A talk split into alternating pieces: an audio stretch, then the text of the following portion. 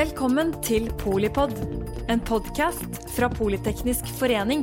Et kunnskapsbasert medlemsnettverk for bærekraftig teknologi og samfunnsutvikling.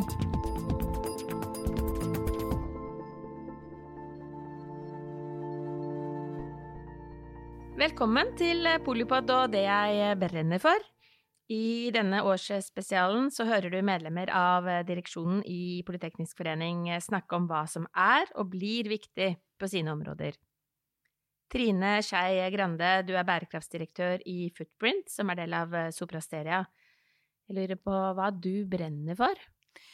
Nå har jeg vært tillagspolitiker i 25 år, så jeg brenner jo for veldig mye. Men Eh, bærekraft og bærekraftig omstilling og en grønne omstilling og jeg skal gjennom nå, det er nok det jeg brenner aller mest for.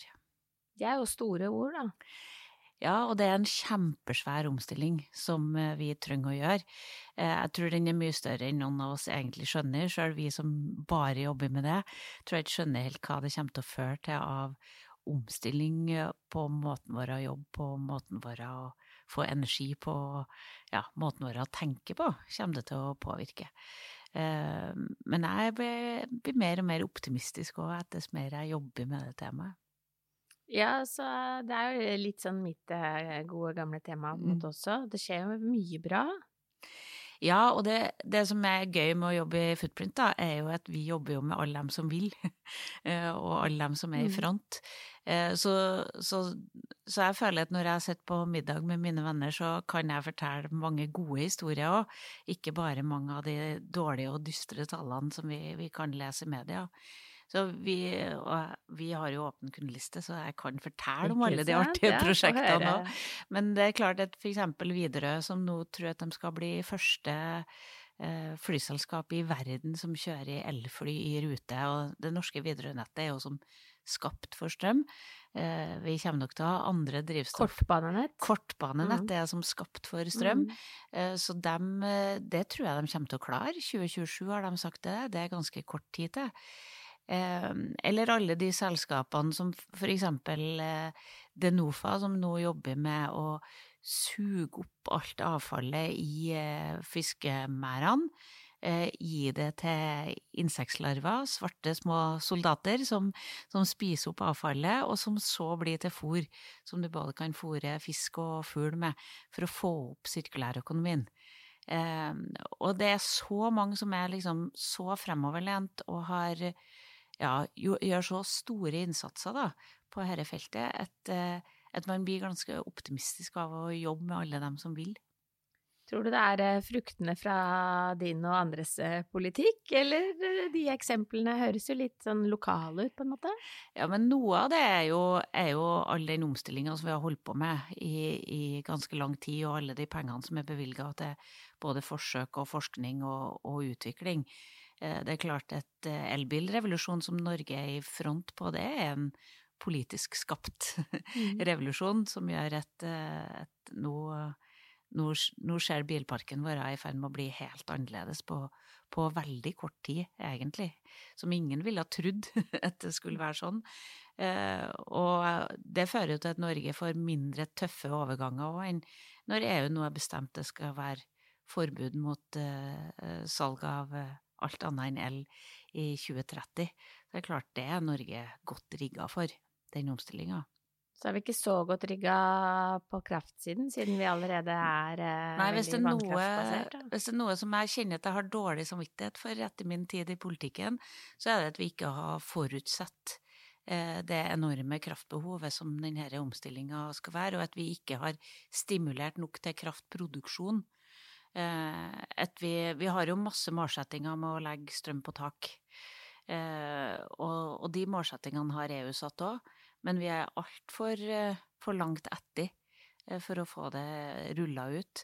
Så jeg tror jo at, at, det er en av de tingene som historien kommer til å dømme oss på, at vi, vi var gode på noen av omstillingene, og ikke alle. Det er jo vanskelig å spå om, eh, spesielt om fremtiden, da, men eh, når du ser inn i neste år, hva tenker du at vi alle skal følge litt eh, ekstra med på? EU er en fantastisk motor på den grønne omstillinga. Og det at vi har krig i Europa, men likevel like stort trykk Tsjekkerne har gjort en fantastisk jobb siste halvåret med å virkelig få gjennom regelverk og, og rulle det ut, altså. Så uh, hver uke er det store nyheter fra EU når det gjelder nye regelverk, og de er med en ordentlig drivkraft på den grønne mm. omstillinga. Eh, så det er all grunn til å heie på EU, på jobben de gjør. Og de gjør det på en måte som gjør at vi både kan få til grønne arbeidsplasser og grønn omstilling, men også gjør at vi kobler oss bort fra diktatorene sin, sin makt over oss. Det er klart at det å få til grønn kraft, som jo nå rulles ut i massivt eh, i hele Europa, vi kommer nok til å ha ny grønn kraft i hele Europa, like mye som vi har produsert de siste 20 årene, bare i 2022. Eh, og det handler jo om å frigjøre oss fra diktatorene som leverer energi til Europa i dag. Eh, det vet alle hvem er. Mm. Eh, og det andre er jo at, at Kina har hatt så stor makt over produksjonsprosessene, og det å få til mer sirkulær økonomi gjør jo at vi ikke trenger så mye frakt, men vi blir heller ikke så avhengig av diktatoren i, i Beijing. Eh, så det her, her er det klart at det er store geopolitiske trender som slår seg sammen med de grønne tingene vi må gjennom for å ta vare på kloden vår, som blir ganske spennende å se. Så følger med på hva som skjer i EU. Det er, er kjempeviktig. Og følg med hva som skjer på energi, for det tror jeg òg kommer til å være med å forme samfunnet vårt framover. De henger jo veldig sammen med demokrati og, og noe så enkelt som fred. Ja, det å skape en grønn eh, omstilling og det å skape mer sirkulær økonomi er snakk om fred. Mm. Det er snakk om demokratier mot diktaturer. Hvor mye makt skal Russland og Kina ha over oss? Eh, og hvor mye makt skal vi sjøl ha eh, over våre egne produksjonslinjer? Så, så, så sjøl for dem som går rundt og fornekter klimaendringene rundt oss, så er dette god geopolitikk hvis du er opptatt av demokrati og ikke at diktatorer skal ha makt. Hvordan er det å være eh, på den andre siden av bordet? Eh, dette, dette, har du brent for lenge, men du, du er i en ny rolle, og kan vi spørre deg litt sånn hva, hva med deg selv neste år? Nei, jeg syns jeg har det veldig gøy i Footprint. Eh, også nå er vi en del av Soprasteria, som gjør det til et enda mye større konsern som virkelig kan jobbe med de store, store omstillingene. Eh, så, så, det er kjempegøy. Eh, og så føler jeg jo at jeg har litt erfaring som jeg, som jeg kan bruke inn i det arbeidet. Men for meg sjøl så har jeg alltid vært opptatt av å lære nytt og, og lære nye måter å jobbe på. Det siste året her har jeg brukt på å skjønne hvordan jeg kan konvertere min politiske kompetanse inn i å hjelpe alle dem som ønsker å, å, være en del av det grønne skiftet. Og neste år håper jeg kanskje at jeg får ta litt mer utdanning også, og sørge for at jeg får enda mer påfyll, sånn at jeg ikke blir ferdig i den reisa. Så personlig så er det kanskje det jeg ønsker meg. Det er jo livslang læring som er eh, på mange måter mantraet her i Politeknisk også. Du Det er derfor jeg er med her, da. Det er veldig spennende å være med på arrangement her, og man får både vida ut hjernen litt og masse ny kunnskap. Så jeg senest var her i går kveld og notert og notert og notert. Det er bra. Kanskje du skal begynne med noe vekttallordning her også? Ja, kanskje man kan få mm. vekttall i mm. Politeknisk forening. Det er jeg med på.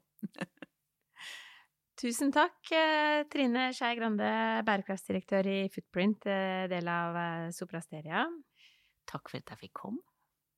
Takk til deg som hører på Polipod, når og hvor du vil. Jeg er Mette Vågnes Eriksen, generalsekretær her, og her har vi faktisk brent for bærekraftig teknologi og samfunnsutvikling helt siden 1852. Så jeg sier på gjenhør, og spør deg også, hva brenner du for?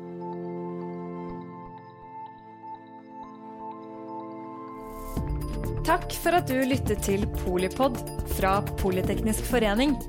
Få med deg flere episoder, eller bli med på nettverksmøtene som du finner på at polyteknisk.